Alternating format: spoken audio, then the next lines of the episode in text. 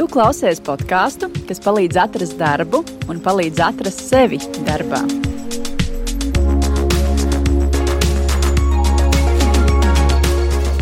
Es esmu Lēlda Salaniets, un jūs klausāties podkāstu pirms darba tematisko miniseriālu Vasaras darbs. Miniseriāla pirmajā epizodē mēs runājām par to, kur meklēt un kā jauniešiem atrast vasaras darbu. Otrajā epizodē noskaidrojām, kur vecāku līdzdalība būtu nepieciešama un kur labāk bez tās iztikt. Un šoreiz runāsim par to, kas jaunieši tā vilina vasaras darbā. Paklausīsimies pieredzes stāstus par sarežģītām situācijām, kādās pusauģis nokļūst, un kā vasaras darbu pareizi ierakstīt savā CV, lai tas tiešām palīdz atrast nākamo darbu. Sāksim ar kādas jaunietes pieredzes stāstu. Čau! Sākumā varbūt varam iepazīties. Kā tevi sauc un ko šobrīd dari? Es esmu Maruta, man ir 21 gads, un es studēju. Un eh, tev ir bijusi pieredze ar vasaras darbu. Jā, vairāk kārt. Varbūt tu vari pastāstīt, ko tu darīji savā vasaras darbā. Es strādāju kancelēs preču veikalā, un man darba pienākumi bija principā darīt visu, lai nodrošinātu normālu veikalu darbību, jo es tur biju vienīgais cilvēks. Tā kā es aizvietoju vienīgo darbinieku atvaļinājumā, tad es gan apkalpoju klientus, gan pieņēmu pasūt, pasūtījumus un uh, mazgāju grīdas un darīju principā visu. Un kāpēc tu izlēmi e, strādāt vasarā? Nu, manuprāt, tā kā lielākā daļa jauniešu vasaras darbs ir tīri tā piepelnīšanās avots. Es uh, īstenībā nemeklēju darbu, kurš varētu uh, iegūt fantastisku darbu pieredzi vai savas personības kaut kādu pilnveidošanu, bet tīri tā, lai es varētu pie, pie, piepelnīties. Un, uh, un es meklēju to, kas man būtu uh, pieejams tuvu manai dzīvesvietai. Jo tajā nozarē, kuras vēlētos sev pilnveidot, manuprāt, man nebija pietiekama darba pieredze. Un neviens negribētu man ņemt 17 gados par nopietnu, pieņemsim, dizaineri. Labi, un kā tev gāja šajā vasarā, kad strādāji kancelēs preču veiklā? Um, es nebiju īpaši sajūsmā, jo um, es jau ar to rēķinājos, ka darbs nebūs īpaši interesants. Bet uh, tas bija vēl neinteresantāks, kā es to biju plānojis. Jo apmeklētāji bija ļoti maz, darba bija ļoti maz, un uh, dienas pagāja diezgan lielā nīkšanā un nekā nedarīšanā. Tāpēc meklēju veidus, kā sev nodarbināt. Es lasīju grāmatas paralēli, rakstīju, darīju citas lietas, kamēr man bija jāizpild laiks, kamēr nebija cilvēku. Un cik ilgi strādāji? Manuprāt, pusotru mēnesi. Un tad visu šo mēnesi, principā, garlaikojies. Um, jā, līdz sapratu, ka es varu aizpildīt laiku, lasot grāmatas. Vai tev bija vēl kādi izaicinājumi, izņemot garlaicību? Es teiktu, ka īpaši citu izaicinājumu nebija, jo darbs bija diezgan viegls. Bet varbūt es neteiktu, ka gluži tie bija izaicinājumi, bet man pat. Um, tajos vieglos darba pienākumos nācās bieži vien samisēties un traucēt manas aizvietotājas atvaļinājumu. Viņai visu laiku zvanot, rakstot, jo man nāca dažādi misēkļi ar pavadzīmēm. Un tiem bija tādi izaicinājumi sastādīt viņus pareizi. Tad pavadzīmēm man negāja viegli katrā ziņā. Un, ja es jautātu tavai mammai, kā viņa teiktu, vai kā tev gāja šajā vasarā? Es Nezinu, vai viņai būtu īpaši ko daudz pateikts. Vienkārši no rīta piecēlos, aizbraucu savu darbu, vakarā atbraucu mājās. Nebija īpaši laimīgi, jo biju tur nogurusi un, un no nekāda nedarīšanas un diezgan tāda nomākta. Bet uh, vienīgais, ko viņa varbūt varētu pateikt, to, ka, uh, to, ka es nebiju apmierināta, to, ka es ik pa laikam pačīkstēju, bet es tāpat tās to pat izvēlējos. Tā kā, tā kā jā, man bija jāteikt tam cauri, jo tā bija mana izvēle. Tad brauc mājās un stāstīja, kā tev iet. Ah, nu, jā, principā.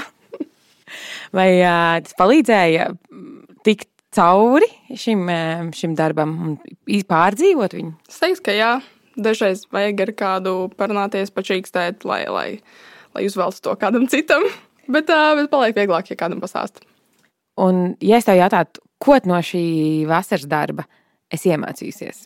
Es iemācījos laikam pašdisciplīnu, lai arī cik grūti būtu tomēr pabeigt iesākto. Bet to, manuprāt, es jau esmu pirms tam mācījis. Manuprāt, tā ir tāda mana personības iezīme, lai arī cik ļoti man kaut kas tomēr nepatīk, to es to cenšos pabeigt.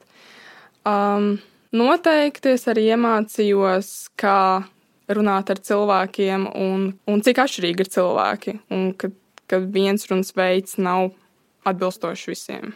Lai es apmierinātu viņu vēlmes, jo daži bija tādi klienti, kuriem vajadzēja vairāk, lai pienes visu klāt, lai, lai, lai skraida apkārt. Un, un, un, jā, dažādi cilvēki ir.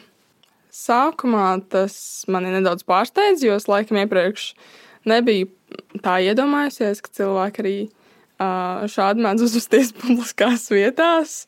Bet, um, bet es kaut kā pieradu, un tas īsti laikam nebija izaicinājums. Es vienkārši uzsākos tiem zobiem aizdeklēju, atnesu visu pildspalviņas, visu, ko vajag, un, un tā arī. Es, tās vienkārši bija pāris minūtes, un zināju, ka tas īsti man neko nemainīs manā, manā dienā. Un, jā.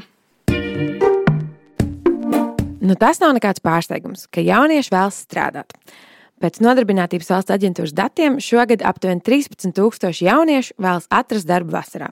Dosim vārdu vienam no lielākajiem jauniešu vasaras darba devējiem Maksim Latvijai un tās personāla atlases daļas vadītājai Marinai Grīnbergai. Vai šajā visā procesā, kad uh, jūs pieņemat šos jauniešus darbā, vai sanāk saprast un noskaidrot, kas ir tā motivācija, kāpēc jaunieši vēlas vasarā strādāt? Tā ir nu, tā, tā noteikti ir kabatas nauda. Noteikti, kas pārsteidz reti, kurš no tiem simtiem pajautā, cik viņam maksās. Kas ir tik forši. Tiešām reti, kurš pajautā, cik viņam maksās. Un pārsvarā tie ir vecāki, kas zvan, kas jautā. un, jā, viņi vienkārši grib darboties. Un es teiktu, tā, ka tas pat ir stilīgi Tas patiešām ir pat stilīgi, jo viņi arī nāk bariņos, un ir tendence, kad nāk trīs, divi un grib kopā. Un mēs esam pat uh, caur smiekliem arī meklējuši to veikalu, kur var divi strādāt tajā vienā mēnesī. Un, uh, jā, nu tas, tā, tas ir stilīgi, un tā ir tā kāpēc naudiņa. Un, ja tu esi vēl ar kādu kopā, tad tas arī ir tā foršāk un vieglāk. Um, ir arī mazliet tādi skaudrāki stāsti, kad arī sirds lūst, kad uh, zvan arī uh, vecmāmiņas, un, uh, kad, kuras audzina, audzina mazbērnus, un kad trūkstā naudiņa, un kad grib, grib iekārtot, lai būtu papildus ienākumi. Un, arī tādi stāsti ir. Un, Ir jūtams arī, ka citi jaunieši zvana un saka, ka nu, viņi ļoti, ļoti motivē, ko darīs, būšu krāvējs vai nokļūt. Nu, vienalga, ka, kā, ka ir vajadzīgs. Ir, ir arī tādi stāsti. Jā. Kāpēc strādāt vasarā vēlējās mūsu jau pazīstamais Patriks no Mārpas? Pilnīgi noteikti tā bija nauda, jo nu, visi jau parasti iet uz kā, vasaras darbos. Nu, varbūt ir iespējams tādi cilvēki, kas iet kā, vasaras darbos meklēt savu kā, nodarbošanos, kas viņiem patīk vai piesaista, bet šoreiz es gāju tāpēc, ka nu, nu, naudas dēļ vienkārši gāju strādāt, jo nu, visiem to naudu gribās, ir īpaši pusauģiem, un pat cik viņi skolēt viņam nemaksā, tāpēc viņi iet vasaras darbā strādāt. Nu, tā kā es apmēram. Vai tev bija kāds konkrēts mērķis, kam tu gribēji sakrāt? Ne īpaši man nebija tas konkrēts mērķis, bet nu, vienkārši bija nu, um, aprast ar to visu situāciju, kā ir strādāt vasarā un krāt naudu. Iepriekšējā epizodē iepazināmies ar Jolantu, kuras dēlam šovasar ir pirmā darba pieredze tajā pašā uzņēmumā, kurā strādā pati Jolanta. Tu minēji, ka viena no motivācijām um, jaunietim strādāt vasarā ir uh, papildus ienākumi un uh, kaut kāda kabatas nauda vai, uh, vai, vai kā citādāk. Vai viņam ir kāds konkrēts mērķis, kam viņš vēlas sakrāt? Jā, viens neliels mērķis ir. Bet, man, man, ja mēs runājam par to, kas vairāk motivē, tad šobrīd es teiktu, jā, ka vairāk motivē nauda, vai vēl kas man paši īstenībā priecē, ko esmu nu, sajutusi, kad ir vēlme būt patstāvīgam, iziet savā dzīvē. To, ja gadu, divus atpakaļ es šādā kontekstā nesadzirdēju no sava bērna, Tad šobrīd, kad priekšā ir 12. klase un varbūt jāskatās, kas būs pēc vidusskolas, jau šajā vasarā es sadzirdēju, ka tā ir tāda vēlme jau ceļās to, ka atdalīties, ja, aiziet prom no vecākiem, dzīvot patstāvīgi, tas līdzi nes finansiālu neatkarību Un ko par strādāšanu vasarā saka trīs meitu māma Laura? Šī vasaras strādāšana, tas ir mums tāda kā tradīcija, laikam, Latvijā. Es nezinu, citām, bet, bet tas noteikti nāk ar to, ka mums šie garie brīvlaiki ir tradicionāli. Jo es zinu, ka man vecākā meita, kas to gadu dzīvoja Vācijā, viņai arī līdz ar to draugi, draugi paziņas daudz ir. Un par šo runājot, viņi tas tur tāds vispār neeksistē. Viņiem pirmkārt ir īsi diezgan uh, brīvlaiki, kurus viņas vis, vis, visticamāk pavada ceļojumos ar ģimeni. Un tur strādāt nepilngadīgam, nu, ja vienīgi pie vecākiem. Tiem, kam ir vecākiem uzņēmumi, tie paņem savu bērnu, tā, ka, bet tā ir viņu atbildība. Pārējie ar viņiem nekrāmējās. Mēs ļaujam bērniem pašiem nonākt šie, līdz šie, šai sajūtai, ka vēlas darīt un, un saprast, ko vēlas un kur ir šo laiku. Jo tas laiks jau arī ir resurs mums visiem, gan pieaugušiem, gan arī bērniem. Un viņa šī vasara un tas laiks arī ir viņiem ir dota. Nu, tā vasara arī tā ir tikai viena viņam tajos 15 vai 16 gados, un kā viņš viņu izmantos. Mēs katrs jau mēs vēlamies to savu laiku izmantot pēc iespējas liederīgāk. Un, manuprāt, arī bērniem ir jāmācās, ka tas laiks ir. Tā, tā darbošanās, darbošanās ir jābūt pēc iespējas tādai nu, gan jēgpilnākai, gan arī, nu, kas varētu viņiem kaut ko iemācīt, pavērt kādas iespējas. Un tāpēc man ļoti patīk tas mans vecākās meitas attieksme pret to, ka viņa tiešām gribēja darīt tikai to, kas viņai patīk, un tas, kas viņu interesē, un kas viņai var noderēt. Par to, kā vasaras darbs noder tālākajā karjerā, parunāsim pēc īsa brīža. Bet tagad paklausīsimies mūsu podkāstu viesu stāstus par to, kādas ir grūtības, kuras gandrīz neizbēgami sagaidīs katru jaunieti pirmajā vasaras darbā. Viņam gāja ļoti labi. Pirmā nedēļā bija ļoti liels entuziasms, un viņš visu tur darīja. Otrā nedēļā bija lūzuma punkts, kad uh, viņš uh, pārdomāja savu soli un vairs negribēja iet uz darbu. Inga, ar kuru runājām pirmajā epizodē, un kuras dēls pagājušajā vasarā strādāja kafejnīcā. Kaut kādā brīdī tas draugs saslima, un viņš nevarēja, viņam sanāca dubultā. Nu, tad viņš droši vien nebija gaidījis, ka viņam būs tik ļoti daudz jāstrādā. Nu, viņa prāt daudz. Un, uh, Tas viņam bija tāds baigais pārsteigums. Varbūt arī vairāk. jā, jā, jā, kad viņš var piekust. nu, tas patiesībā bija tā arī, kad man bija ļoti grūti saprast, ko rī, kā rīkoties, jo es ļoti vēlējos viņu tā kā mudināt turpināt to darbu, bet no otras puses negribēju uzspiest. Un tad beigās kaut kā ļoti labi izveidojās, ka es teicu, ja es būtu tavs darba devējs, es gribētu, lai tu nu, to, ko tu esi iesācis, to arī pabeidz. Bet es nezinu, vai tas palīdzēja, jo es zinu, ka viņš šo pašu jautājumu aizgāja pie tā darba devēja, un tas arī kaut ko pateica. Bet tas bija ļoti motivējoši, ko pateica darba devējs, jo viņš vēl vairāk saņēmās. Nu, viņam bija jāstrādā līdz 1. septembrim, viņš nostrādāja līdz 1. septembrim. Uh -huh. Ko par grūtībām saka mums jau labi pazīstamie jaunieši Patriks un Marta? Kamēr tu strādāji, kas, bijis, kas bija tas grūtākais tajā tavā darba pieredzē?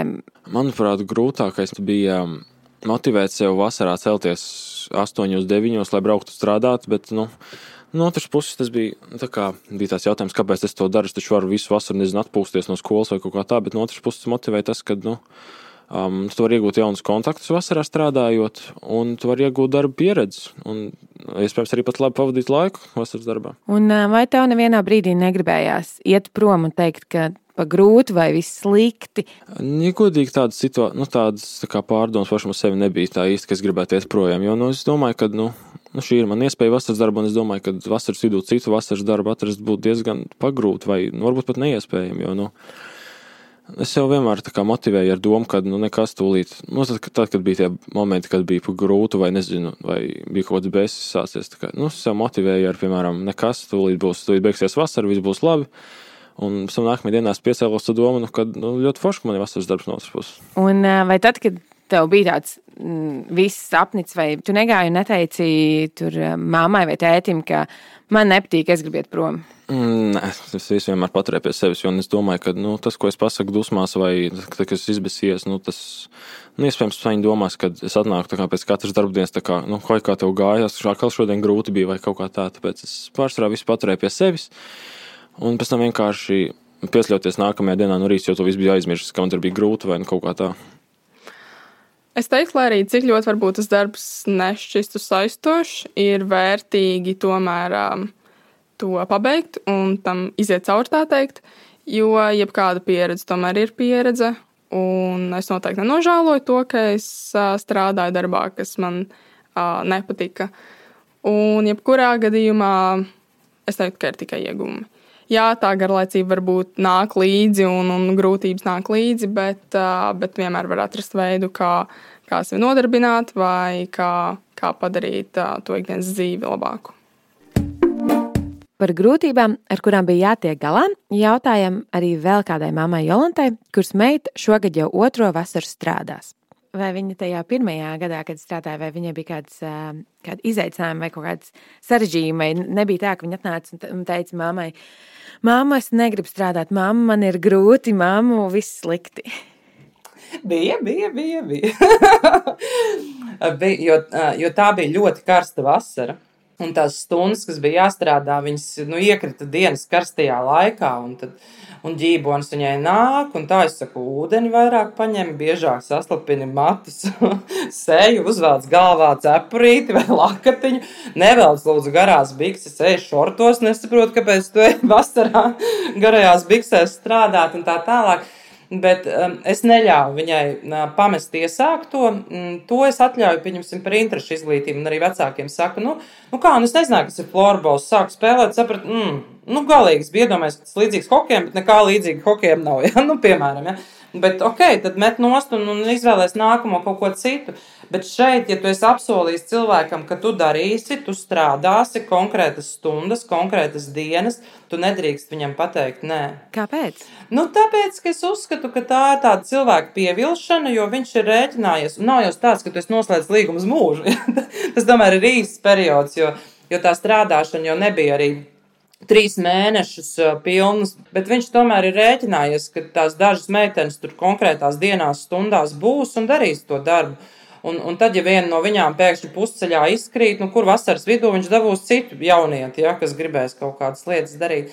Bet es arī vairāk priekš raksturu norūdīšanas. Ja tu man savukārt kā pieaugušais prasītu, tev atbildētu pilnīgi citādāk. Ja tu strādā nemīlam darbu, ja, tad pirmais, ko es tev teikšu, un viss, nu, raksta atlūgumu, meklēsim kaut kādas jaunas izaicinājumus. Bet jauniešiem vajag arī bišķiņu tādu, nu, nu bišķi, lai sakošu zobiņus. Nu, nevar tikai priecāties par dzīvi, nākās arī kaut kur bišķi, bišķi sevi ierobežot. Dzirdējām, ka tipiskākās grūtības, ar ko jaunieši sastopas vasaras darbā, ir rutīna, agra celšanās un garas darba stundas. Labā ziņa vecākiem, ka šīs ir grūtības, ar kurām jaunieši paši spēj tikt galā un paši spēj tās pārvarēt. Bet par to, kā jaunietim palīdzēt vasaras darbā iegūto pieredzi pareizi parādīt nākotnē un kā šo pieredzi izmantot tālākajos darba meklējumos, tūlīt parunāsim.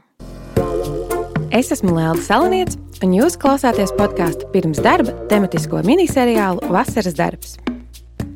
Noteikti vecāki arī var atbalstīt jauniešus darba meklējumos un motivēt viņus, bet eh, CV tomēr būs jāraksta pašiem. Vecāki arī intervijās klāt būt nevarēs un rociņu arī nevarēs paturēt. Un par to es parunāšu ar cilvēku, kurš var palīdzēt sagatavot CV un sagatavoties arī darba intervijai. Mans vārds ir Jolanta Priede. Es esmu gan privāta karjeras konsultante, gan arī atbalstu jauniešus kā pedagoģis karjeras konsultants trīs ogres novada mm, skolās. Un esmu arī Latvijas karjeras attīstības un atbalsta asociācijas valdes locekle. Tie ir tādi galvenie virzieni, kas droši vien saistīti ar šo tēmu. Tad ar jauniešiem ir diezgan liela sadarbība sanākusi. Jā, ar jauniešiem ne tikai pēdējā gada laikā, bet bija periods, kas braukāja pa Latviju. Katru dienu bija citā pilsētā un vadīja nodarbības sākot ar pirmklasniekiem, beidzot arī īstenībā arī ar pieaugušiem, bet galvenā mērķa auditorija bija bija, bija tomēr jaunieši. Un pie 30 tūkstošiem cilvēku pārstāja skaitīt, cik daudziem es esmu novadījis nodarbības un, un skolas. Nē, esmu saskaitījis, bet ir apmēram 150 skolas un mācību iestādes, kurās pa tiem gadiem paspēju pabūt.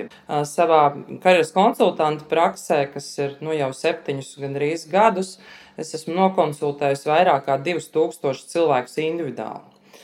Bet uh, kaut kādas tendences tomēr uh, ir jūtamas. Varbūt. Vai nav tā, ka visi jaunieši grib tagad būt influenceri un taisīt video un, un negrib strādāt tādu īstu darbu? Šāda tendence ir, bet es teiktu, ka tieši otrādi pēdējā gada, pusotra gada laikā, es, vismaz manā redzeslokā, mazinās šī tendence nekā viņa bija iepriekš. Vai ir mazāk jūtams tā tā vecāku bīdīšana kaut kur jaunieši par kādu konkrētu jomu vai tēmu, un viņi vairāk jūt iespēju izpaust to, ko viņi patiesībā grib darīt. Jā, pēdējos gados tiešām sāk pamanīt, ka šī tendence mazinās, bet tomēr viņa ir. Piemēram, bija situācija, arī starp citu, bija radošā tipa jaunietis, kuram ļoti aizrauja fotografēšana.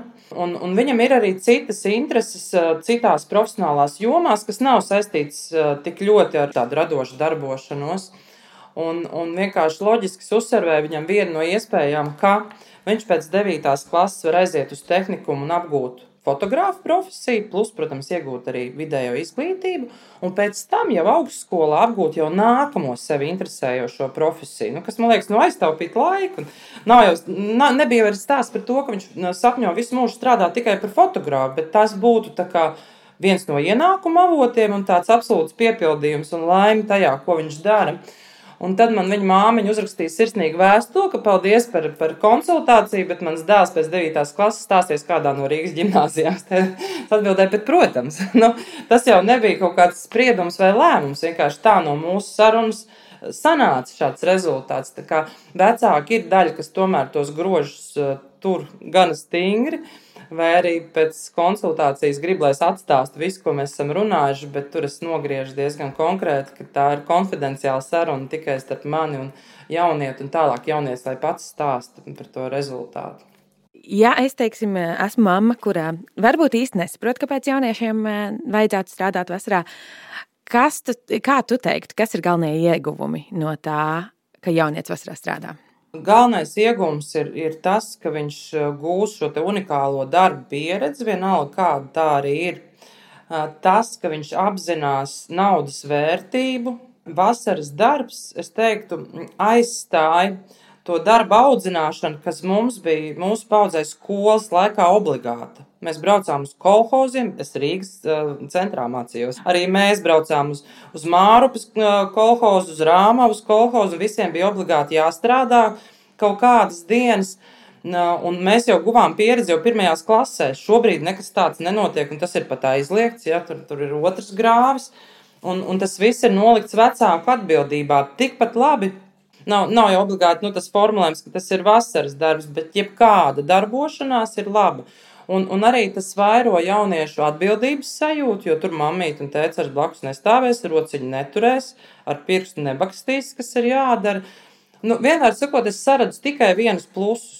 Tas, tas tikai norūda, dod pieredzi, attīsta jaunas prasmes, spēja novērtēt pēc tam arī, ko nozīmē pelnīt naudu un tā tālāk. Un tā tālāk. Un kāpēc tam to darba pieredzi, kāpēc tam to ierakstīt savā CV un pasniegt varbūt kādā intervijā, kas man pēc tam nākotnē būs. Jo dažreiz eh, varbūt ir bail ierakstīt tādu mazu periodu, ka tu esi kaut ko darījis. Nu, atkārtošos, ka jauniešiem pilnīgi viss der.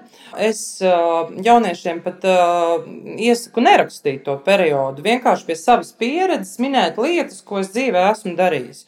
Un, protams, ka ne jau es rakstu, braucu pie omītes uz, uz, uz aglonu, ravēt um, bietas, bet es rakstu, ka protu dārzniecības darbus, protu lauksaimniecības darbus, vai esmu darījis tādus un tādus darbus. Respektīvi, pieredze vārdos var ietērpt dažādi.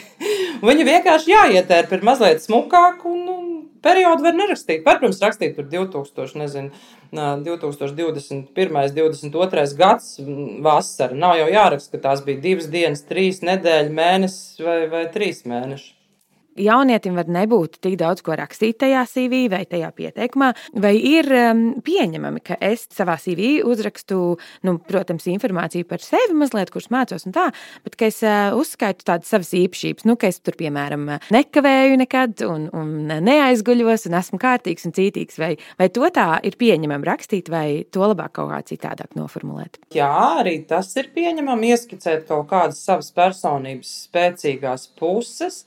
Jo nereti ir arī šis stereotips, ka nu, vāji jaunieši nevar atrast darbu, tāpēc ka viņiem nav pieredzes un tā tālāk, neviens viņus neņem. Nu, tā nav taisnība. Tie ir mīti, jo tiešām jautājums ir, ir tāds, kā tu proti sevi parādīt. Sākumā jau uz dokumenta, pēc tam, ja palaimēsies arī dzīvē. Un, un rakstīt iekšā var pilnīgi visu, kas to jaunieti atšķir no citiem jauniešiem. Tādus liek to jumtiņu, to preambulu, Tātad arī visas interešu izglītības, ko tu esi dzīvē apmeklējis, arī tos pašus brīvprātīgos darbus, vasaras darbus, dalību dažādās, nezinu, brīvprātīgās vai jauniešu organizācijās. piedalīšanos olimpiādēs vai, es nezinu, kādu pasākumu organizēšanu. Kamēr nav šīs te oficiālās darba pieredzes, visu, kas viņu veido, kā atšķirīgi no nezinu, savas klases, klases biedriem, var likt iekšā. Protams, arī valodu prasmes, jo tas nereti ir svarīgi.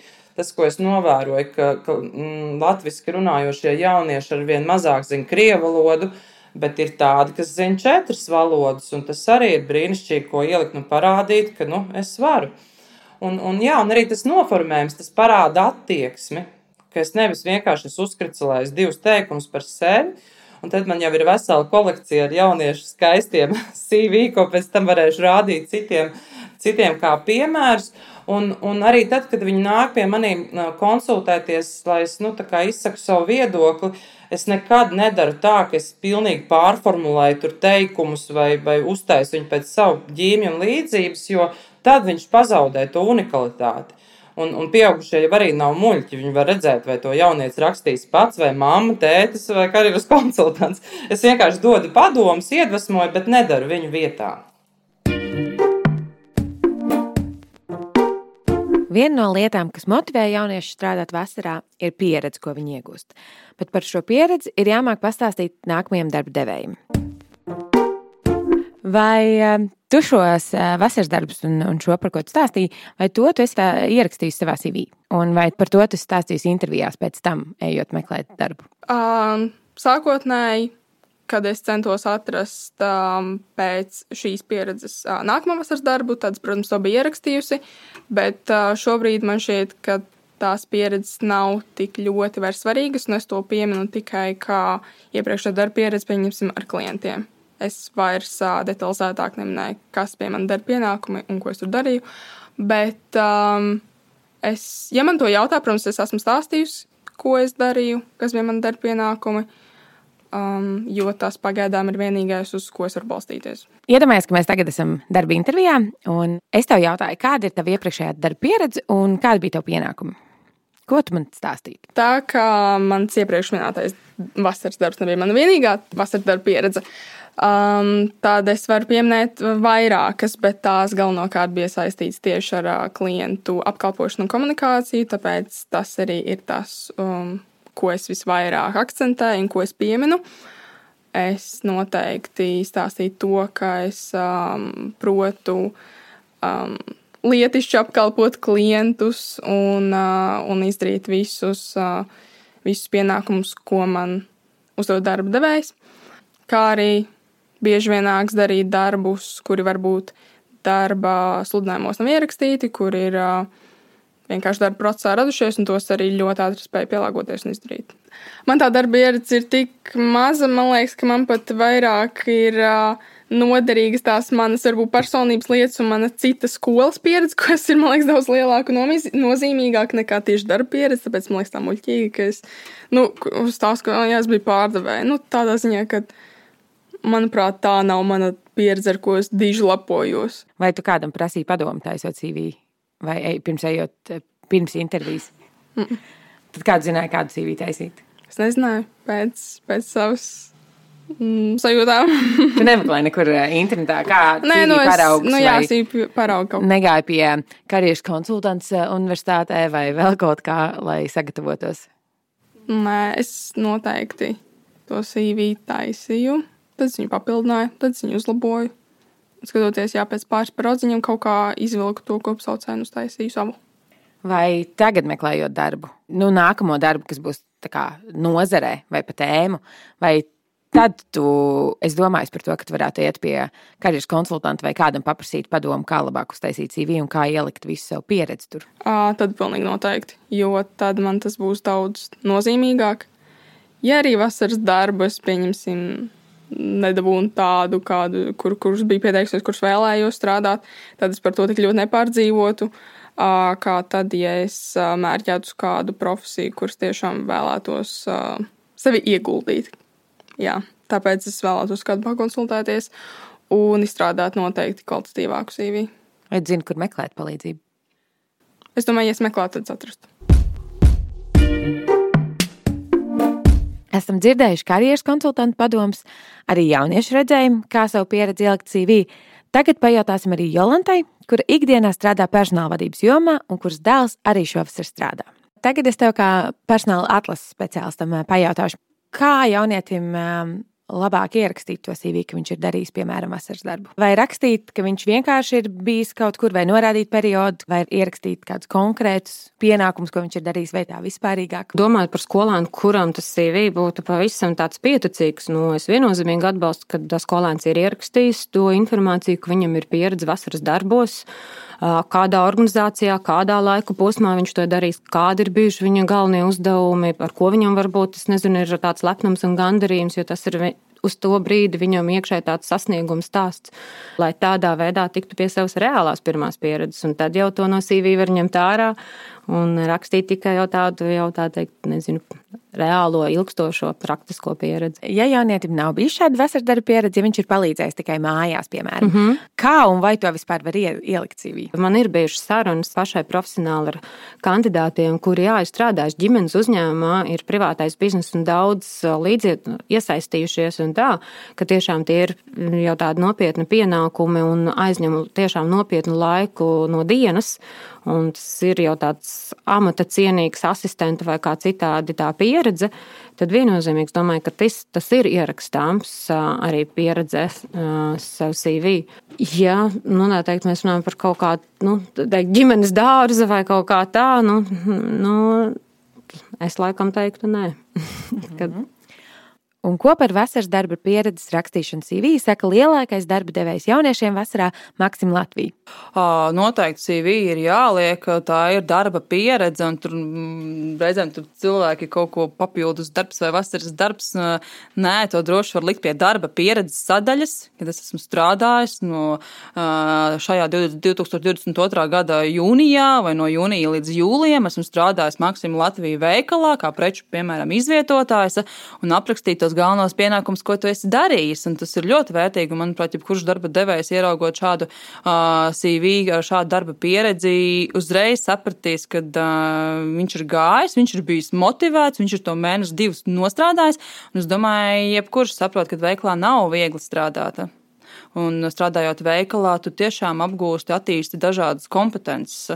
Un, ja tas vēl ir tādā pusauģa vecumā, tad tas ir ļoti apsveicami. Mm -hmm tad uh, ieteikums būtu konkrēti rakstīt, teiksim, no tā līdz tam mēnesim, un tad uh, konkrētas, amat, konkrētas lietas, ko tu esi darījis. Jā, jā, tur droši var rakstīt, pārbaudīt derīguma termiņus, papildināja plauktus, um, bet īstenībā ir tā, ka tas ar to neaprobežojas. Uh, ļoti bieži jaunieši ļoti uzņēmīgi, viņiem interesē, viņi, kā teikt, ir advancēti, viņiem interesē, kā tur tās cenas printējās, kāpēc es tikai viņas izlieku, es gribu viņas izprintēt. Un, uh, ja tur tas uh, nodaļas vadītājs, kas tur rūp par šo jaunieti, saprot, o, jā, šim var uzticēt, viņš visu saprot ļoti labi un viņš ir ieinteresēts. Šajā epizodē dzirdējām to, ka galvenā motivācija jauniešiem strādāt vasarā ir nopelnīt pašam savu naudu. Bet tālu neatpaliek arī patīkamā sajūta pieņemt pašam savus lēmumus. Dzirdējām, ka galvenās grūtības vasaras darbā ir rutīna, agra celšanās un garas darba stundas. Un dzirdējām arī to, ka, lai arī cik niecīgi pašam jaunietim šķiet sava vasaras darba pieredze, to noteikti var un vajag atspoguļot savā CV. Ceru, ka podkāstā dzirdētais bija noderīgs. It īpaši, ja jums tūmā ir kāds pusaudzis, kurš vēl nav izlēmis, vajag vai nevajag vasarā strādāt. Priecāsimies, ja par šo podkāstu pastāstīsiet savu pusauģu klases biedru un draugu vecākiem. Vēlamies saņemt atsauksmes un ieteikumus, tāpēc komentējiet podkāstu pirms darba sociālo tīklu profilos, Facebook, Twitter un LinkedIn. Un vēlam jauniešiem darbīgu un interesantu vasaru!